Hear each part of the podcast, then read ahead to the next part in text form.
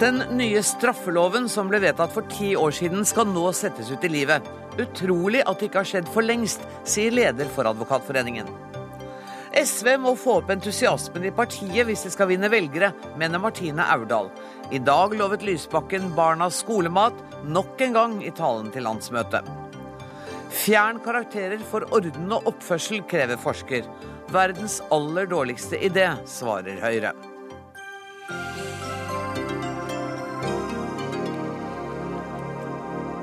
Dette er noe av innholdet i ukas siste Dagsnytt 18-sending, der vi også spør hva vi skal gjøre med oljemilliardene våre, men aller først. I dag har regjeringen foreslått at den nye straffeloven nå skal tre i kraft, ti år etter at Stortinget fattet sitt første vedtak.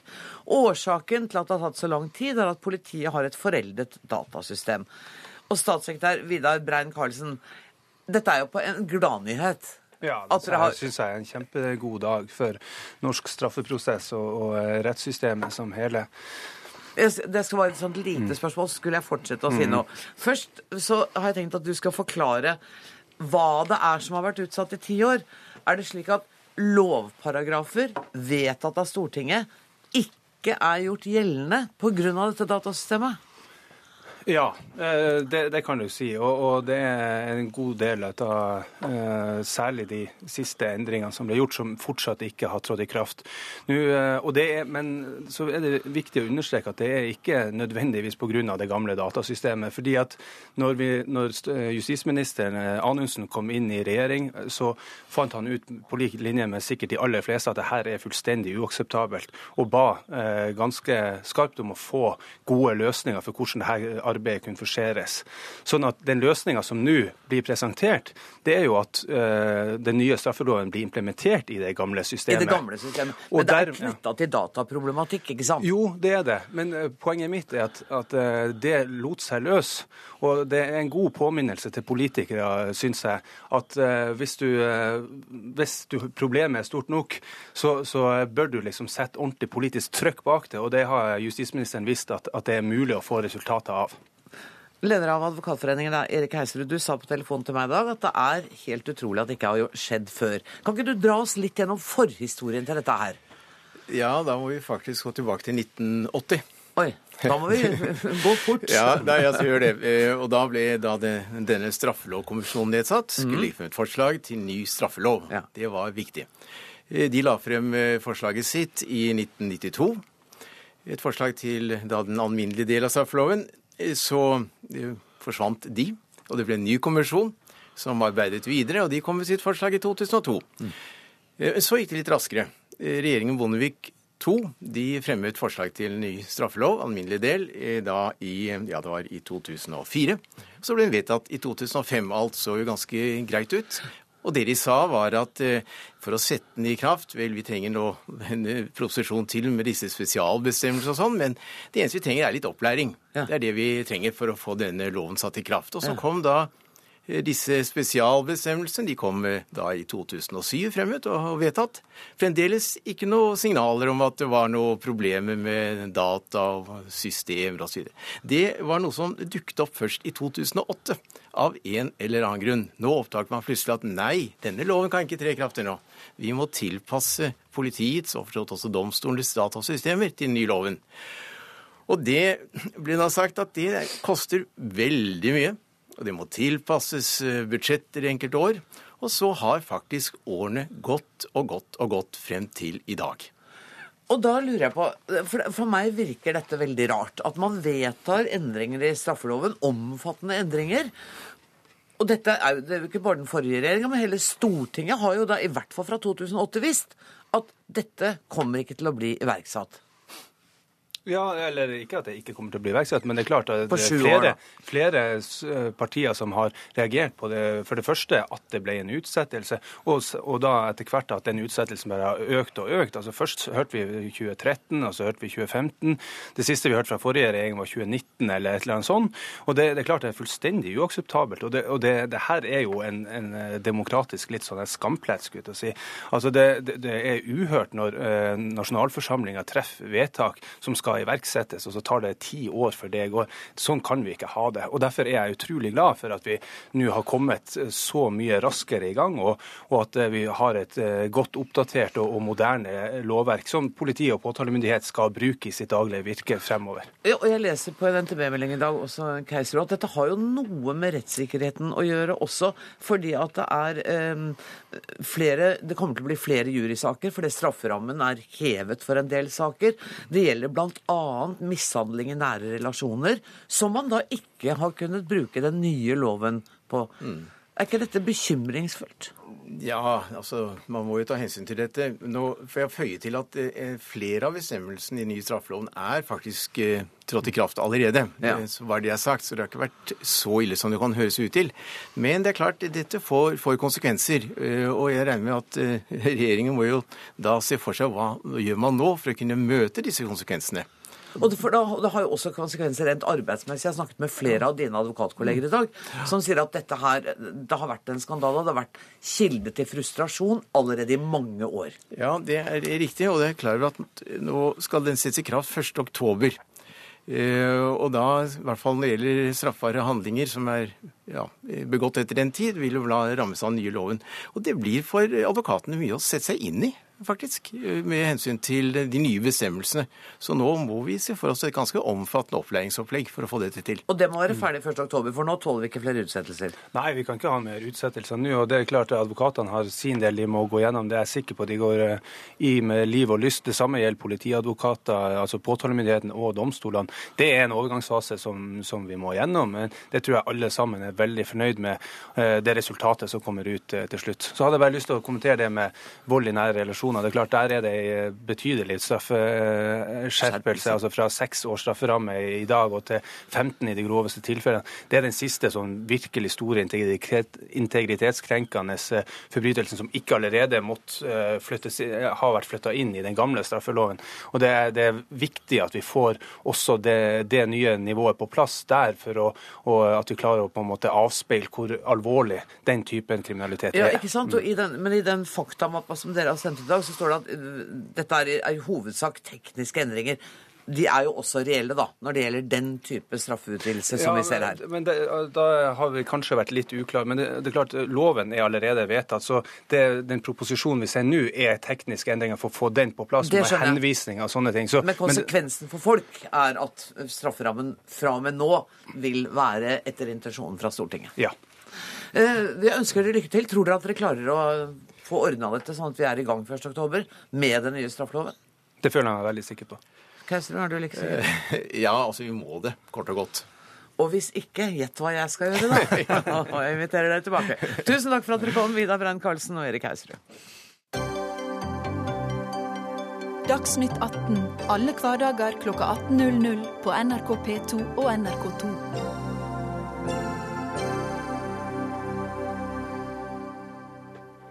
I dag åpnet SVs landsmøte, og på talerstolen sto leder Audun Lysbakken og lovet flere hender i omsorgssektoren. Bort med stoppeklokka, rettferdig fordeling av godene, leksefri heldagsskole, mange flere lærere, mindre testing av elevene og skolemat.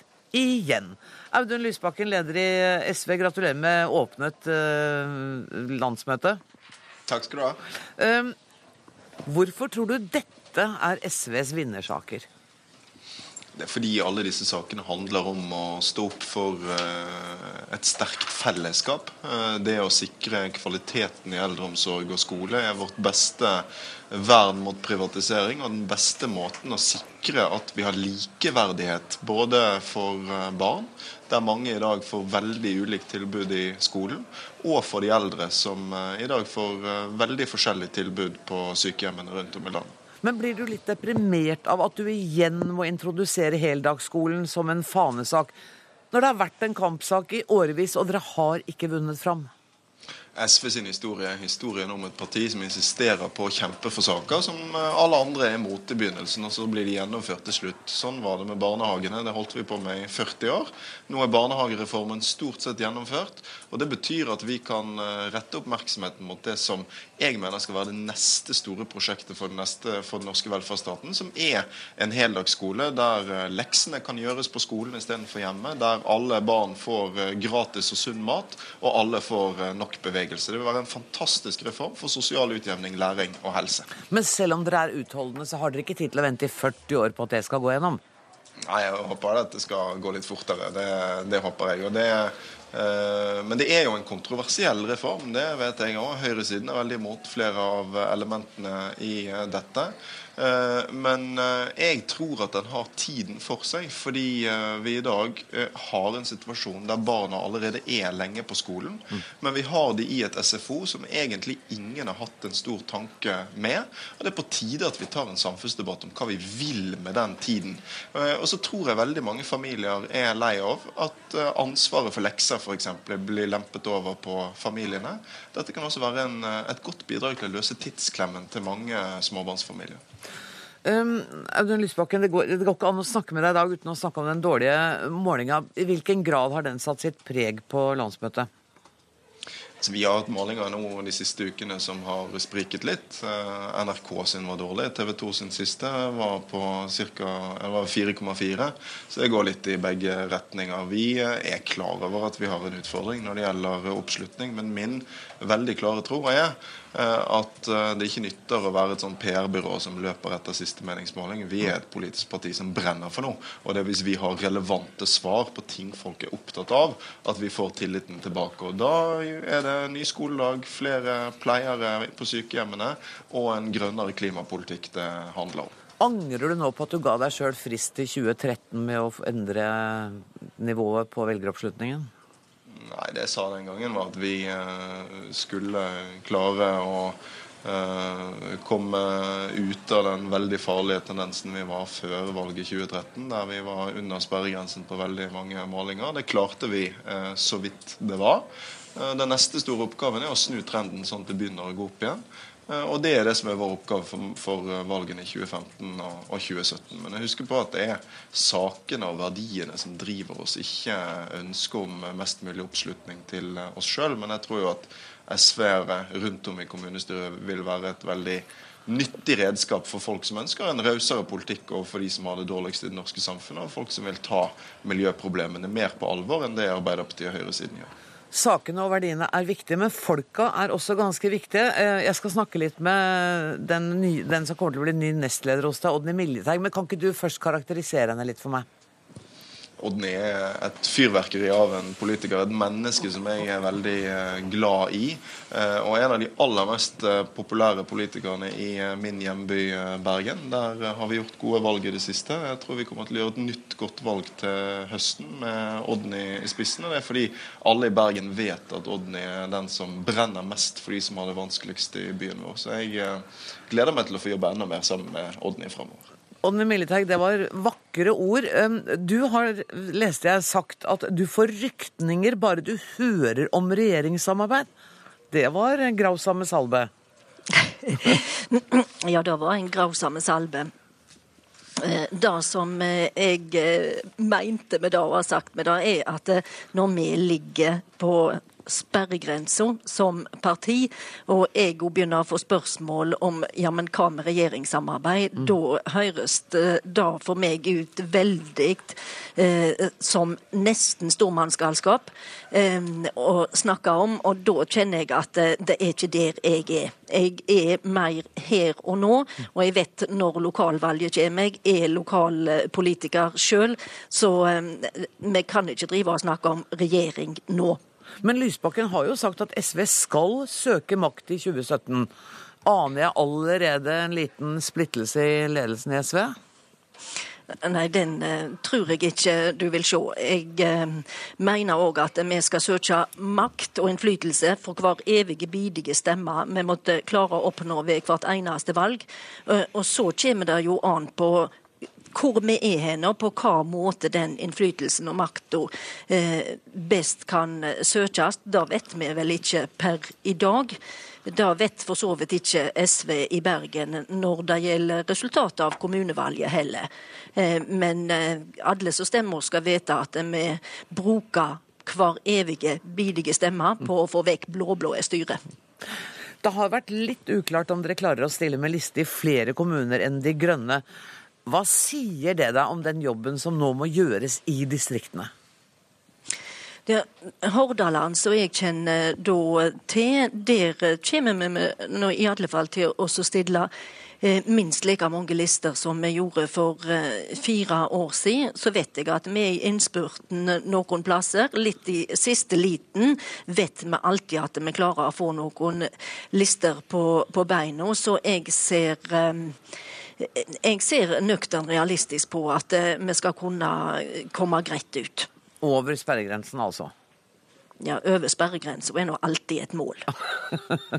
det er greit at man er, har realistiske mål. Um, Lysbakken, jeg må bare spørre deg, hva, hva, tror du grunnen kan være til at dere ikke har klart å kapre flere velgere eller stemmer i, henhold til meningsmålingene? Nå når det stormer rundt Fremskrittspartiet og det er tilbakegang for regjeringspartiene. Dere har liksom ikke klart å hanke noe av det? Jeg skulle ønske jeg hadde et enkelt svar på det. Selvfølgelig. Da, ja, da, hadde, da, hadde, jeg jo gjort akkurat det. Eh, jeg, eh, det vi har sett, er jo at Arbeiderpartiet har, har, eh, vokst voldsomt. Det gjør selvfølgelig situasjonen litt mer krevende for oss. Men vi må gjøre en ærlig jobb for de menneskene som stemmer på oss. Vise oss tilliten verdig. Og da har jeg tro på at i det lange løp så er det som vinner folks respekt, det er at vi brenner for det vi tror på. Eh, så jeg sier til folk her på landsmøtet at nå får vi stå for det, og så får vi stå i det. Eh, og så får vi tro at eh, det er ganske mange som er opptatt av miljø og av rettferdighet og av likestilling. Og for de som er opptatt av de sakene, så er det sånn at det er bare SV som kombinerer miljø, venstresidens verdier og en klar likestillingsprofil i, i norsk politikk. Og så er SV det partiet som har vært kjent for interne splittelser. Klarer du å unngå det i, på dette landsmøtet? SV har vært kjent for eh, høy takhøyde og livlig intern debatt. Vi har ikke og interne splittelser. Vi husker ja, da, og, alle diskusjonene om museumsbestyrerne. Masse intern ja. uh, uenighet. Og jeg har ikke noe, intry, jeg har ikke noe mål av å, at vi ikke skal ha sånn. Vi skal ikke være et toppstyrt parti, vi skal være et grasrotparti. Men jeg tror nok at uh, en vil se at det her er et samlet landsmøte når det gjelder de politiske hovedvalgene. Jeg føler veldig brei støtte bak den kursen jeg har staket ut, og som jeg la fram både i talen min i dag og boken min tidligere i uken.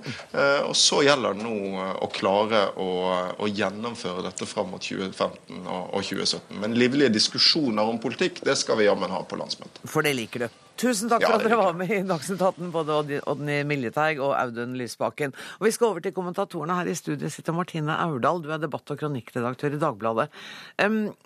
jeg siterte deg tidligere på at eh, partiet må få opp entusiasmen. Er det noe som tyder på at det er i gang? Altså, jeg syns jo Miljeteig virker som frittalende eh, dame med stor troverdighet, eh, og som kan gjøre en god jobb også i rikspolitikken.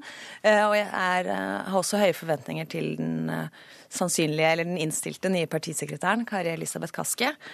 Eh, men det er helt avgjørende hvordan dette landsmøtet går. Mm. Jeg eh, var der ute under talen tidligere i dag og snakket med litt folk etterpå. De Eh, jeg syns eh, partilederen holdt en god tale, og de lo og klappet på alle de riktige stedene. Eh, og ingen gir uttrykk for offentlig bekymring, men når man snakker med folk på tomannshånd, så er det enkelte som er veldig bekymra.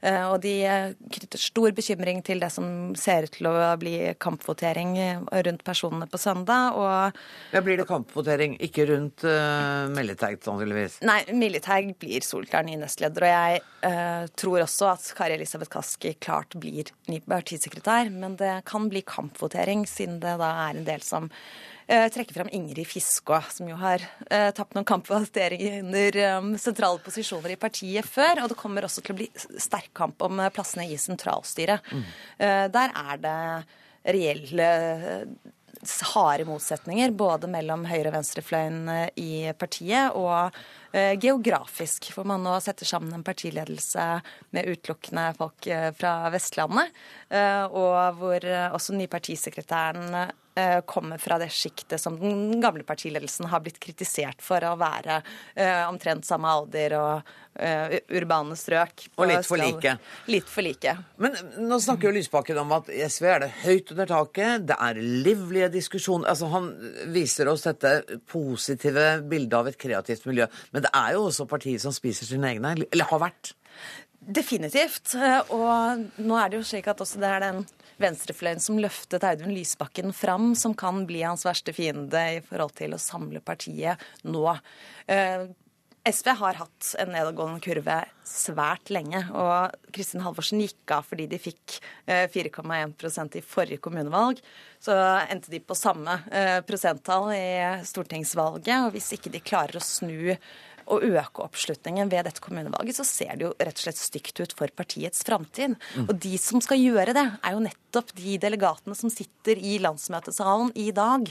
Og hvis ikke de får eh, litt hornmusikk i brystet og en god landsmøtefest i morgen kveld, og, og, følelsene har vært med på noe stort denne helga, så klarer heller ikke de å mobilisere sine lokale eh, tillitsvalgte når de kommer tilbake og skal gjøre den siste innspurten for å stille lister nå og gå ut og verve velgere til partiet. Lars Nehru Sand, du er politisk kommentator her i NRK. Er heldagsskolekravet nok til å få SV på beina og opp og stå igjen? Det er i hvert fall en sak hvor man prøver å kombinere den uh, tilliten man mener å ha med seg i bagasjen, for å si det sånn, fra, fra barnehageforliket uh, og, og, barnehagereformen, uh, med et nytt prosjekt, men også en, en sak som tydelig skiller høyresiden og, og, og, for så vidt også Kristelig Folkeparti tydelig. og man håper å kunne vinne mye oppmerksomhet og debatt i, i valgkamper frem mot dette, men også eh, appellere til en, en, et sjikt av befolkningen som, som, SV bør få, få innpass i, eller ha, ha troverdighet hos fra før, eh, nemlig småbarnsforeldre og andre som, som dette vil være en, en, gunstig reform for. Men har de noen plan for hvordan de skal få gjennomført disse kravene? For jeg mener, eh, Lysbakken snakker om rettferdig fordeling, mange flere lærere og pleiere, pluss heldagsskole og skolemat. De kan ikke ta alt dette i skattelette fra de rike? Nei, skattelette til de rike vil det nok ikke gi, men de vil jo øke skattene ganske masse. Nei, jeg mener skatteskjerpelse. Unnskyld. Jeg mente ja, skatteskjerpelse, Lars. Eh, men, men eh, det som er hovedproblemet, er jo at, eller dilemmaet til, til, SV, er at deres vei til makt og politisk gjennomslag går gjennom Arbeiderpartiet uansett. Altså, det, det må være noe Arbeiderpartiet også er enig i hvis man skal ha flertall i, i stortingssalen for det SV ønsker. Og Da er jo eh, problemet at da kan det fort være Ap som får for mye holdt jeg på å si, del av æren for det som SV kanskje har vært initiativtakere til. Og SV har jo vist at de ikke evner å først vinne, og så på sikt holde på et sakseierskap rundt saker, enten det er skolepolitikk eller miljøpolitikk. Og det er ikke liv laga for et eh, parti som selvfølgelig ikke kan stå alene om en sak, for da blir man jo nettopp gjørende det. Mm. Men man må være best på en sak for å vinne troverdighet eh, på sikt. Men er du enig med Martine Aurdal at det SV trenger for å komme seg opp og fram, det er mer entusiasme og litt hornmusikk i brystet og en god fest i morgen? Ja, Festen i morgen blir nok god. Jeg tror hornmusikken i, i brystet under talen i dag var definitivt til stede hos en tilstrekkelig andel av delegatene. Dette var en tale eh, SV som parti eh, og partiorganisasjon trengte. Eh, og det var det viktigste Audun Lysbakken har gjort på svært lenge. Eh, fordi han eh, klarer å forankre denne tanken om å, å, ta kampen, som på en måte er hans mm. retoriske gjennomgangsmelodi i, i talen. Eh, opposisjonspartiet og, og og det engasjementet som kanskje gjorde at folk valgte nettopp å engasjere seg i SV og ikke Arbeiderpartiet, med den eh, spissa reformpartiet, eh, hvor han prioriterer hva som vil være viktigst for SV fremover. Og Det å finne en identitet for SV denne helgen her, er avgjørende for at de skal vite hva de er etter åtte år i regjering og, og, og 30 år i opposisjon. Mm. Så skal de nå satse på et nytt prosjekt frem mot 2015, altså høstens valg, og ikke minst stortingsvalget i 2017, hvor jeg er helt enig med Aurdal i at det kan fort være eh, være eller ikke være for SV. For det er klart, hvis de skal da sitter med en stortingsgruppe på én eller to personer, så vil det være helt uh, krise for, for, SV. Ja, det er bare tida som vil vise oss hvordan dette går. Takk skal dere ha, Lars Nehru Sand og Martine Aurdal.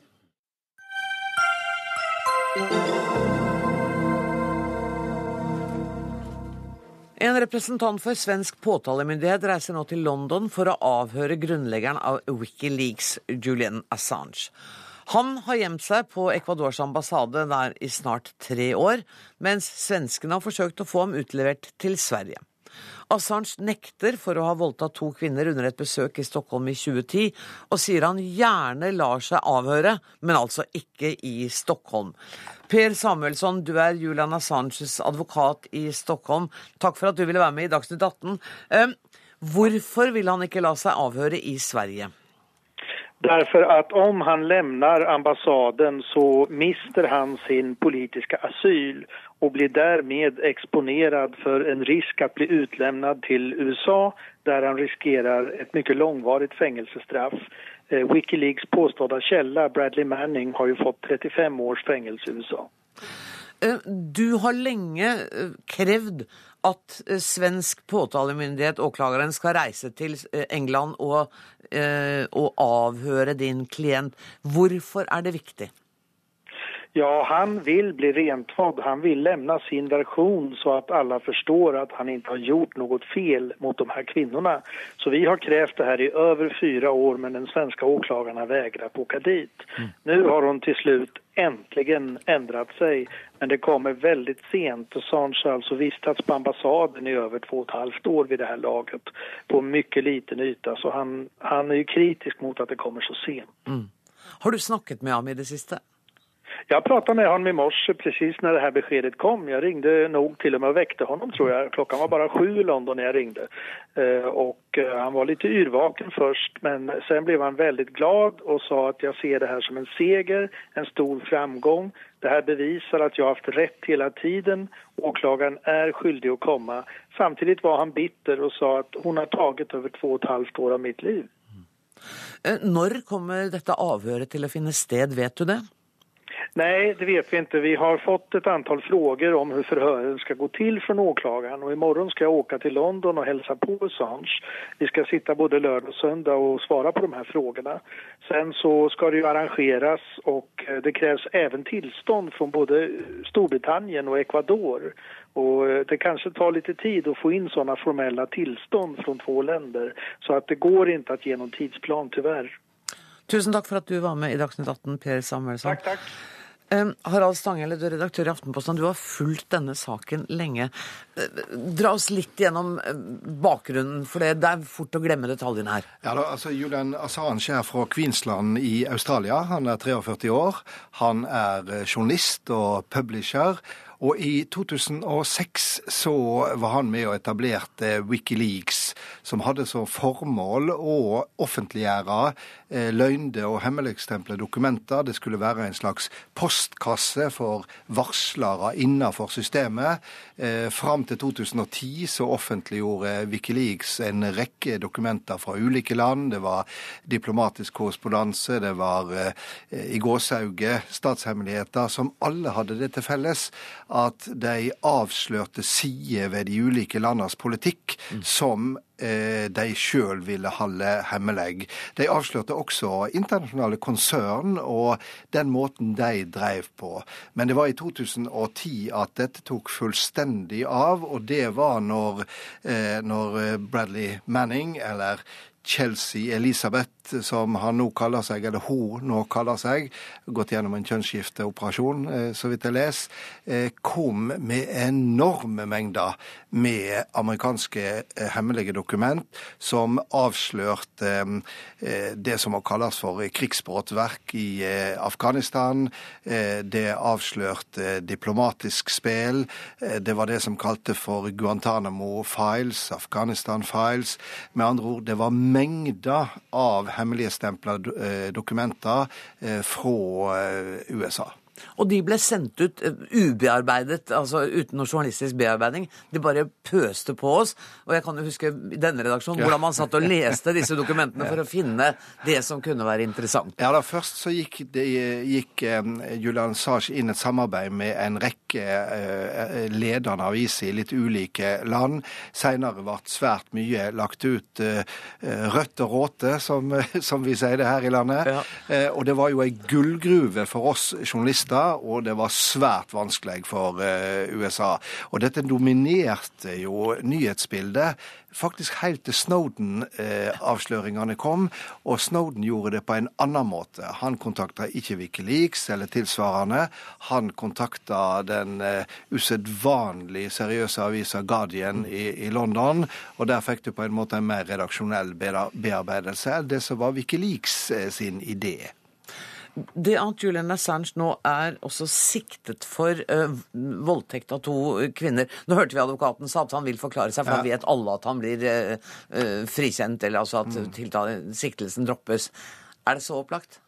Nei, det er ikke så opplagt. Og eh, jeg aner jo selvsagt ikke like lite som eh, som alle de som hører på, hva som er sant eller ikke sant. Men det som eh, vi, vi veit, dessverre, det er jo ikke første gangen at, eh, at eh, berømte og suksessombruste menn har latt seg forlede til å tro at de var mer attraktive på kvinner enn det som kvinnene syntes, mm. og dermed har gått for langt i, i press. Og, og det er jo det han er anklaga for. Det er jo å pressa seg på dem seksuelt, eh, mens de bare var interessert i å gå på kino med en eh, berømt person, for å si det litt firkanta. Mm. Og der tror jeg nok at eh, sånn som vi ser på seksuell trakassering i Skandinavia, Sverige, Norge, kan nok skille seg fra en del andre land. Derfor har jo dette i en del land blitt utlagt som at det var ei felle, eller mm. at det nærmest var en måte å ta Assange på.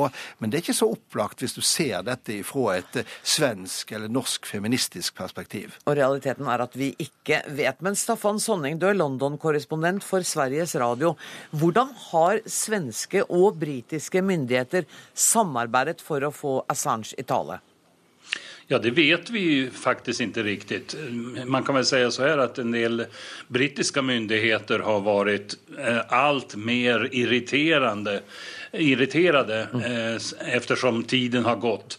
Och det beror ju bland annat på att eh, på grund av det, här, det internationella samarbetet så, har, så måste den brittiska polisen bevaka Ecuadors ambassad dygnet runt och det har de nu gjort i, i två och ett halvt år mm. för att kunna fånga Assange som han försöker smita ut.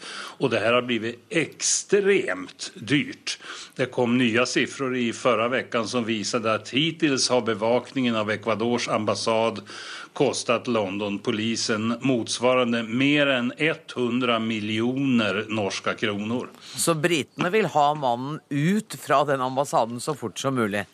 Om det går, jajamensan. Men uh, når han nå skal forklare seg, vi vet ikke enda når det skjer.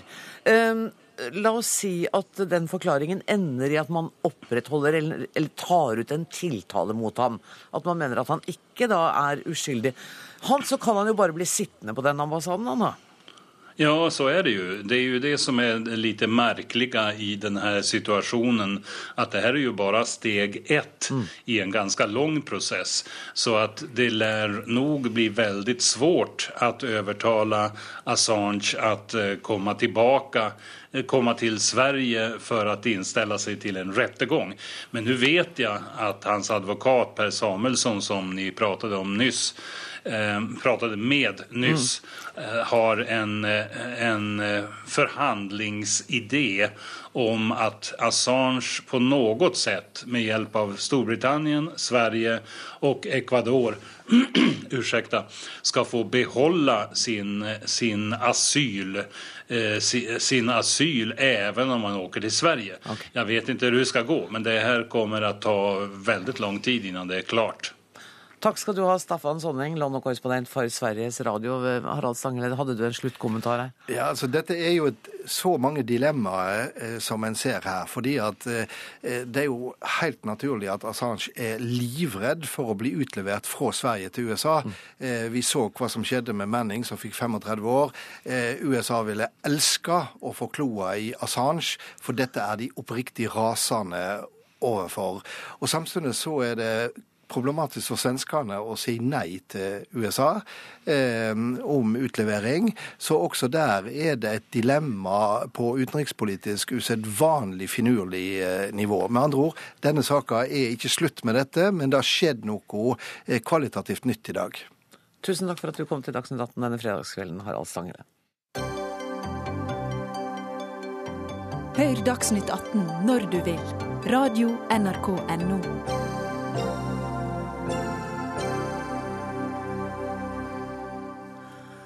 Elever i ungdoms- og videregående skole behøver oppmuntring og oppfølging. De trenger ikke en orden- og oppførselskarakter som forteller dem hvor håpløse de er. Det kan vi lese i Dagens Næringsliv i dag. Og en av dem som mener at vi bør droppe karakterer i orden og oppførsel i ungdoms- og videregående skole, det er du, Lars Lien, professor i folkehelse ved Høgskolen i Hedmark. Um, er ungdommen så sarte at vi må ta på dem med silkehansker? Nei, det er det ikke, men det er veldig stor forskjell på ungdom. Og den ungdommen vi snakker om her, det er de mest utsatte ungdommene, og de bør vi i hvert fall passe på å sørge for å få en god oppfølging. Og god oppfølging er ikke å gi en dårlig karakter i orden og oppførsel. Men hvorfor er de utsatte for det om de får en dårlig oppførselskarakter? Jeg tror det er viktig å skille mellom ulike typer elever her. Det er klart at en elev som har gode ressurser, god fungering hjemme, der vil kanskje en dårlig eller nedsatt orden og oppførsel bare være en stimulans til å utvikle seg og bedre seg. Men for en som i utgangspunktet har et dårlig utgangspunkt, eh, som kommer fra hjem hvor det er dårlige sosioøkonomiske forhold, så vil dette bare være med på å forsterke en allerede negativ trend. Eh, Og dermed blir det bare en ekstra byrde som denne personen må bære med seg. Og ikke bare akkurat når du jobber eller er i ungdomsskole og videregående, men også når du skal søke jobb videre. Men hvis dette da, kan, disse karakterene kan være et incitament til å gjøre en større innsats for de ressurssterke, burde ikke de allikevel ha disse karakterene? Og så måtte man finne andre måter å ivareta de svakeste på? Nei, men Hvorfor skal du skille mellom de svake og de sterke elevene når det gjelder karakterer? Du kan ikke ha ett system for de svake og ett for de sterke. Det er jo helt meningsløst. Uh, slik at Her må du finne et system som passer for alle. Uh, og jeg skjønner heller ikke at uh, en god utviklingssamtale vil kunne gi akkurat det samme, oppnå akkurat det samme, også for de gode elevene. Men det vil samtidig være mye enklere å forholde seg til for de svake elevene. Henrik Asheim, du sitter i utdanningskomiteen på Stortinget for Høyre. Um, er dette en god idé? Nei, det mener jeg ikke. Det er en ganske dårlig idé. Eh, Og grunnen til det er at eh, Vel, for det første, altså vi tar de elevene som Lien viser til her, altså de som er aller mest ressurssvake. Ja, selvfølgelig skal vi ha en skole som følger opp dem. Selvfølgelig skal vi ha en skole som passer på at de kommer på skolen osv. Men det å fjerne det som for lærerne også er på en måte et ris bak speilet, et argument for at du må oppføre deg skikkelig, du skal komme i tide, du skal ha med deg de bøkene du skal, ja, det er ganske viktig. For det som vi vet om norsk skole, er at den er veldig basert på intern motivasjon. altså Man skal drives av sin indre motivasjon. og De fleste, og jeg har vært en av dem, gutter på 14-15 år, bobler ikke over av lærelyst, først og fremst. Og entusiasme for å sitte? Nei, de gjør Nei, ikke det. ikke sant? Det er mye annet som er gøy, men eh, ikke nødvendigvis det. Og da er det veldig viktig at vi også har en skole som har noen sånne eksterne motivasjonsfaktorer. At man har noen argumenter for å lære. De som vi ser at faller ut av norsk skole i dag, det er eh, unge gutter. Jenter som eh, har lærelyst og som har ro i kroppen, de lærer masse i norsk skole. Mens gutta faller av. Men kanskje er jo dette hensynet til de svakeste nok til at man bør fjerne det for alle, og heller ha da samtaler med lærere helsesøster, jeg vet ikke hva. Vel, altså, I dag så har jo både lærerne vært ganske lunkne til det, elevene har vært ganske lunkne til det. De bedriftene som tar inn lærlinger, har sagt at det er veldig viktig for dem å vite hvordan elevene eh, har prestert, ikke bare i karakterer, men i orden oppførsel, fravær f.eks. Så jeg mener ikke at det er noen motsetning mot på den ene siden å følge opp skikkelig de elevene som trenger det, men samtidig si at hvis du ikke møter opp i timen, hvis ikke du gjør det du skal, så har det en konsekvens. For det har det i virkeligheten, og da har det det også på skolen. Lien, er ikke det et godt argument? At eh, man må lære seg å komme på skolen i tide, for det må man faktisk i arbeidslivet? Selvfølgelig. Eh, og akkurat som min eh, motedebattant, så fikk jeg også jeg nedsatt orden og oppførsel fordi jeg alltid kom for seint, notorisk. Gjorde du? Uh, yes, det gjorde jeg. Uh, og det har ikke blitt så veldig mye bedre med årene. Men, uh, men, det som er viktig, det er jo at det er viktig å se forskjellen på altså Både jeg og, og de som sannsynligvis, eller min motdebattant her, har gode ressurser. Og da er det greit. Da kommer vi oss videre. Eh, og Det er også viktig å vite at eh, den fasen som vi snakker om nå, altså den ungdomsskolealderen og tidlig videregående, er en veldig vanskelig fase for veldig mange barn eh, og ungdommer. Fordi at det er en, en hjernen er ikke fullt utviklet ennå. Særlig den frontale delen av hjernen blir ikke utviklet før nærmere 24-25-årsalderen. Og det er den delen av hjernen som på sett og vis klarer å dempe mye av disse impulsene vi har i ungdomstiden. Eh, og Hvis vi skal sitte med dette her, ha dette med oss videre i livet, eh, og særlig når du da har et svakt utgangspunkt og skal søke din første jobb og kommer med, nedsatt orden og oppførsel, så er dette et stempel du får med deg, som igjen kan bidra til at du ikke får jobb, og igjen bidrar til enda dårligere selvfølelse og enda større vansker for å komme ut i arbeidslivet seinere. Slik at det er bare noe som vedhefter, eh, og som ikke gir noe ekstra. Og det er så mange andre muligheter for å kunne stimulere til Eh, god orden og god oppførsel uten å bruke karakterer. Altså.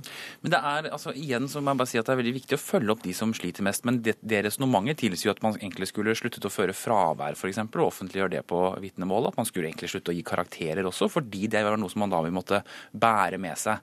Man går jo ikke på skolen bare for moro skyld, man går på skolen for å lære, og man går også på skolen for å vise hva man har lært. Og det mener jeg er ganske viktig. Og så er det sånn at øh, jeg mener at det å stille krav også er å bry seg. Jeg syns det blir veldig rart å si at siden du har en øh, annen bakgrunn, så skal skal vi på en måte ikke stille de samme kravene til deg? Jo, det skal vi gjøre, men vi skal også gi deg ekstra oppfølging og hjelp. Eh, og jeg mener at det er et veldig merkelig signal i norsk skole å nå si at man ikke lenger skal oppgi også hvordan oppførselen og eh, ordenen din er på skolen, fordi det er en viktig del av hvem du også er. Lien, mener du at man heller ikke skal offentliggjøre på karakterboka hvor mange fraværsdager man hadde? Jeg syns at det for så vidt heller ikke er veldig viktig, fordi at det fraværet kan ha utrolig mange årsaker. Og så lenge du ikke kan da si noe om hva årsakene til det er, så syns jeg igjen det er en relativt meningsløs sak. Det er mye viktigere å ha dette med seg, jobbe med de elevene som man ser har stort fravær. Jobbe med de elevene som sliter i forhold til motivasjon, som sliter i forhold til eh, atferdsproblemer. De er det viktig å ta tak i, jobbe tverrfaglig, få til ordninger.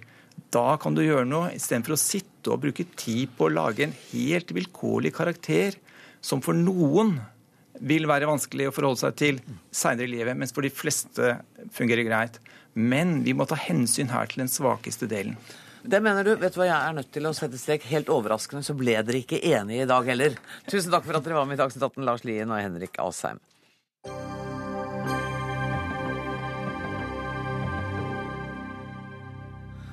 Miljødirektoratet kom med en anbefaling denne uka som Naturvernforbundet mener er rett og slett dobbeltmoralsk. For er det greit å si nei til dyrking av en genmodifisert mais her, men likevel tillate import av den samme maisen, når den altså kan gjøre skade der den blir dyrket? Jeg vet ikke om dere henger med. Vi skal spørre Lars Haltbrekken, som er leder av Naturvernforbundet. Hva er problemet med denne genmodifiserte maisen med det nokså spennende navnet MON810? Dette er en genmodifisert mais som kan gjøre stor skade på naturen. Det er et giftig gen som er satt inn i maisen for å ta livet av en bestemt type sommerfugler. Man har også sett i USA og Sør-Afrika at den har tatt livet av andre insekter, og hvilke konsekvenser eh, denne eh, giften har for jordsmonnet, det vet man ikke. Og Derfor så sa jo da Miljødirektoratet prisverdig nok eh, nei til at vi skulle dyrke denne genmodifiserte maisen i Norge.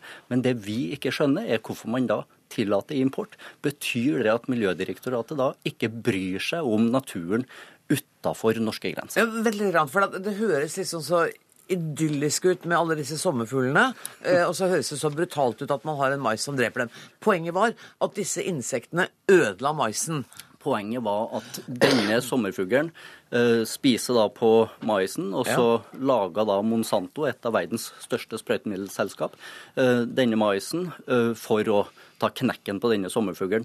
Problemet er at den også kan ta knekken på andre insekter og gjøre skade også på jordsmonnet. Da skal vi snakke med Gunn Paulsen, som er seksjonssjef i eh, artsseksjonen i Miljødirektoratet. Eh, da tar jeg opp igjen eh, spørsmålet fra Haltbrekken. Stanser deres hensyntagen til naturen ved Svinesund? Nei, det, det, gjør det ikke. Miljødirektoratets rolle det er å gi en anbefaling til vårt departement for den maisen her. Og da må vi gjøre en vurdering basert på genteknologiloven. Og det er en ambisiøs lov i internasjonal sammenheng. Og da må vi se på alle kriteriene i genteknologiloven. Og det er miljørisiko, det er helserisiko, det er samfunnsnytte, det er bærekraft, og det er etikk. Og i den eh, sammenhengen her så har vi en mais som er tillatt dyrka i EU-området, og den er, den er, den er også tillatt til fôr i EU-området. Og når vi skal vurdere det i Norge, så må vi vurdere de bruksområdene eh, hver for seg. Og da er det sånn at i forhold til den klargjøringa som miljøministeren gjorde i høst, så eh, er det sånn at det er tillatt å eh, bruke den maisen her i Norge. Men det vi har gjort nå, det er at vi har sett på alle kriteriene i loven, og der har vi funnet grunn til ved bruk alle kriteriene å si nei til dyrking av mais i Norge. Og det er der du mister oss. For det første, hva skal vi bruke denne maisen til? Det er ikke til menneskeføde, ikke sant? Uh, nei, altså vi uh, det som vi har sagt nei til, da, det er dyrking i Norge. Men så har vi ikke funnet holdepunkter med bakgrunn i loven til å forby den. Fordi at vi, vi den, den, har jo en samfunnsnytte i, i, andre land, der de har det skadeinsektet som ødelegger avlingene på mais. Men det har vi ikke i Norge. Mm. Eh, og den forskjellen mellom dyrking og fôr, det er jo det at når det gjelder fôr, så får du ikke en, en, en virkning eh, i miljøet i Norge. Og vi har rett og slett ikke funnet, funnet holdepunkter for å si nei til fôr. For det er til fôrene skal brukes, denne her, Haltbrekken? Ja, det er til fôr i Norge, og kanskje til folk som da har høns på hobbybasis. Eh, men det er jo nettopp her at eh, hele argumentasjonen til Miljødirektoratet svikter fundamentalt. Eh, for at man sier at konsekvensene av å tillate dyrking i Norge kan bli for stor for norsk natur. Sa ikke det, hun sa vet ikke hva konsekvensene ja, men det står, ja, Man vet ikke helt hva konsekvensene er, men man uh, frykter også konsekvensene uh, i uh, norsk natur. Det står å lese i den anbefalinga som Miljødirektoratet har kommet med. Men var, men så, unnskyld, så, men var ikke poenget for hennes at vi trenger ikke denne gentypen her, fordi vi har ikke de insektene her i landet? Så jo, vi kan dyrke de, den vanlige maisen? Men de peker jo også på konsekvensene som denne genmodifiserte maisen har på uh, naturen, og det at den også kan komme til å ta livet av andre insekt enn de, uh, de skade, den skadelige uh, sommerfuglen da, som den er tenkt å ta livet av. Og da har man sagt nei til å dyrke den i Norge. Det er fint. Men sannsynligvis så er konsekvensene av å dyrke denne genmodifiserte maisen i Europa, i et land som Spania f.eks., større for spansk natur enn det ville ha vært for norsk natur, fordi at det dyrkes mye mer mais i Spania pga. klima enn det vi kan uh, klare uh, å gjøre i Norge. Og Det er da vi ikke skjønner hvorfor Miljødirektoratet gjennom å tillate import stimulerer til dyrking av en genmodifisert plante som man ikke ønsker å tillate dyrking av i Norge pga. konsekvensene for naturen, men man sier at det er helt OK i andre land hvor konsekvensene kanskje er større. Og det, det må er da du få svare på, Gunn. Paulsen. Ja, da er det sånn at uh, den her uh, genmodifiserte maisen, den er tillatt i bl.a. i EU-området. Fordi at man har gjort miljørisikovurderinger og helserisikovurderinger innenfor EU som tilsier at det her er minimal risiko. Så derfor så har, har man gjort det, det vedtaket allerede. Eh, og da er det sånn at vi forventer at de landene som da stort sett er industriland som dyrker det her, de har det regelverket på plass som gjør at man, de ikke får store konsekvenser for miljøet. Mm. I Norge er det også sånn at vi har en omfattende vurdering av den enkelte GMO-en som skal vurderes. Og da er det at vi bruker eh, Vitenskapskomiteen for mattrygghet som vurderer miljørisiko for oss.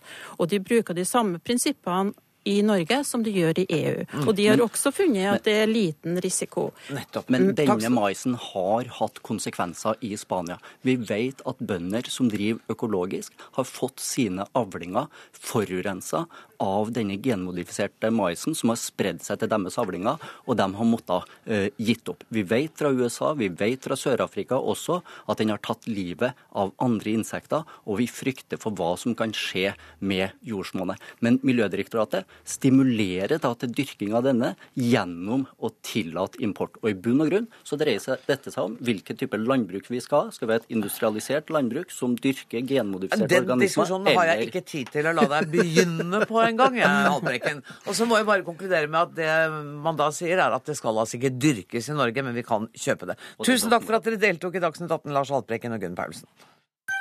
Hør Dagsnytt 18 når du vil. Radio NRK.no. Ok, vi skal snakke om de litt store tingene nå. Kan jeg be deg se for deg 120 operabygg etter hverandre? For det er så mange operaer man kunne ha bygd hvis vi brukte hele fortjenesten til oljefondet i 2014. Eller kanskje er det lettere å forklare oljefondets fortjeneste med at det tilsvarer et halvt statsbudsjett her til lands. Resultatet ble lagt fram på en pressekonferanse i dag av bl.a. sentralbanksjef Øystein Olsen. Også han var overrasket over at fondet vokste.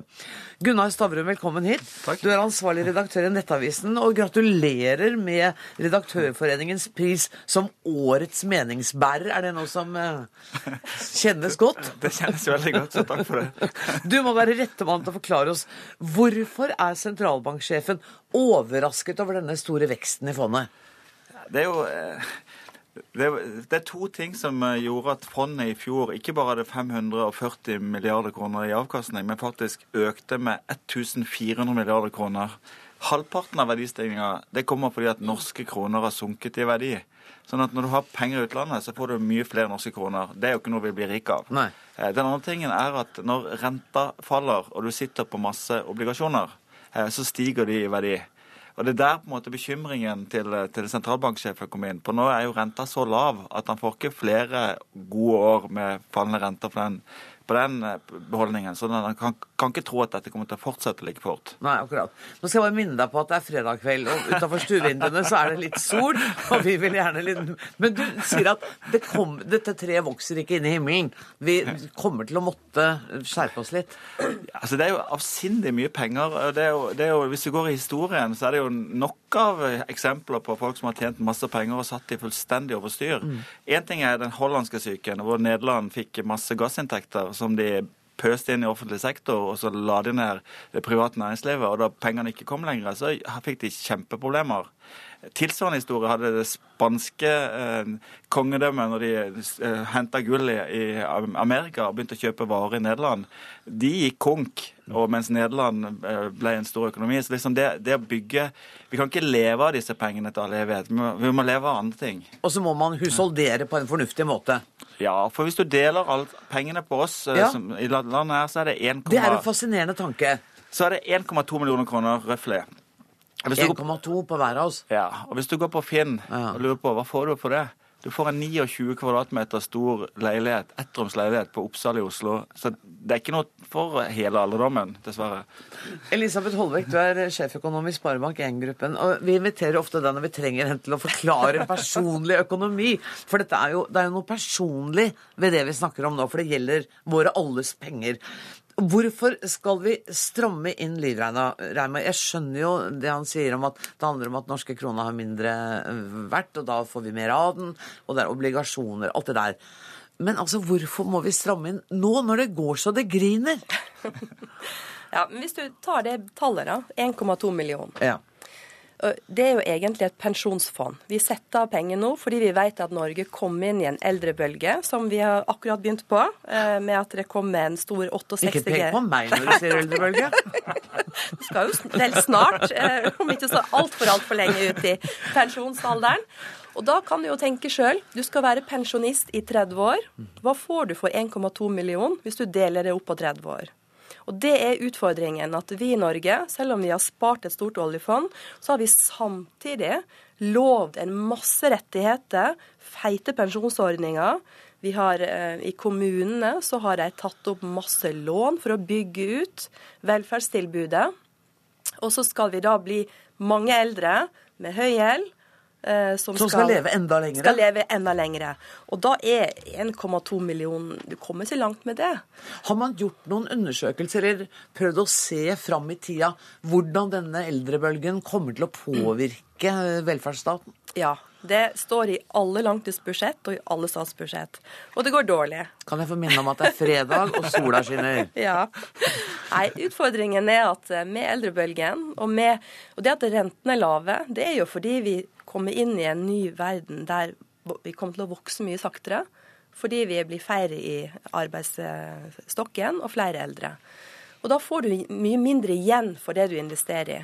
Så det, det, kommer til å bli litt tøffere i årene framover. Jeg tror mange kommer til å oppleve at det de trodde var en sikker og trygg pensjon eh, livet ut, det kommer til å forandre seg. Og du får ikke så mye pensjon som du i dag kanskje tror så det, jeg tror nok pensjon kom til å seile opp som et hot tema, selv for I eh, valgkamper? Både, ja, og litt sånn for yngre mennesker òg, at de må begynne å tenke på det nå. Fordi eh, dette kommer til å påvirke skattenivået boligpriser, mm. Eh, og hvordan vi skal ha et samfunn i mange mange år framover. Men på den annen side så kan ikke jeg, eh, som da tilhører den eldre generasjonen, sitte her og ha skyldfølelse heller, eller eh, be om å bli skutt. Altså, Det er jo noe med at dette samfunnet må leve med oss. Det er jo det. Altså, det er jo fredag, så la oss se litt lys på det. det er, vi har 7000 milliarder kroner i utlandet. Akkurat i dag tipper det 7000 milliarder. Når vi drar til London og handler, så kan vi gå ned Region Street så kan vi tenke dette eier jeg. Du kan se en, en, en skyskraper i New York. Den eier jeg. Kjøper du en iPhone, så eier du faktisk litt av Apple, litt av, av, av Nestle. Så vi, vi, er jo en, en av verdens største investorer. Eh, det er, jo, det er jo bedre å ha 7000 milliarder, 7000 milliarder kroner enn å ikke ha det, tross alt. Men, men, hva tenker dere om eh, denne omstillingen som vi da må igjennom? Kommer den til å berøre oss alle? Det er jo klart, altså det blir jo, det blir jo, færre folk i arbeid for å ta hånd om de flere som er utenfor arbeidslivet. Mm. og det er jo et problem som sosialøkonomene også må ta stilling til. at vi, I dag kan vi jo ikke ta hjem disse pengene, for da skaper vi bare press i økonomien. Vi blir ikke flere uh, hender i norsk uh, arbeidsliv fordi vi tar hjem pengene. Men akkurat det forholdet får vi jo også når det blir eldrebølgen kommer. Da blir det jo enda færre folk i arbeid. Så det å ta hjem pengene uten å skape press i økonomien, det blir vanskelig da òg.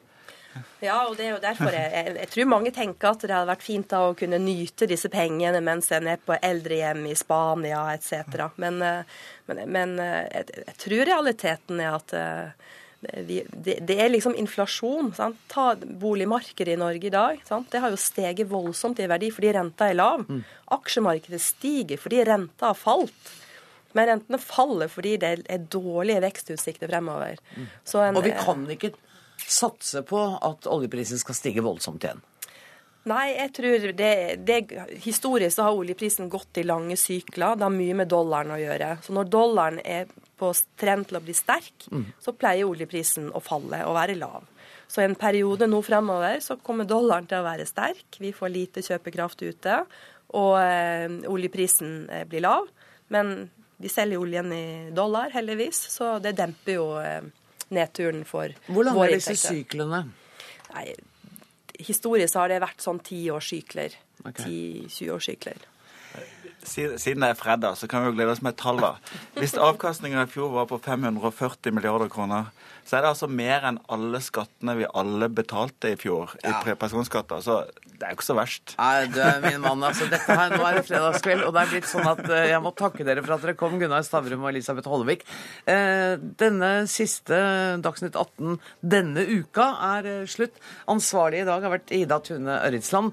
Det tekniske ansvaret har Erik Sandbråten. Jeg heter Anne Grosvold og ønsker alle en riktig god helg.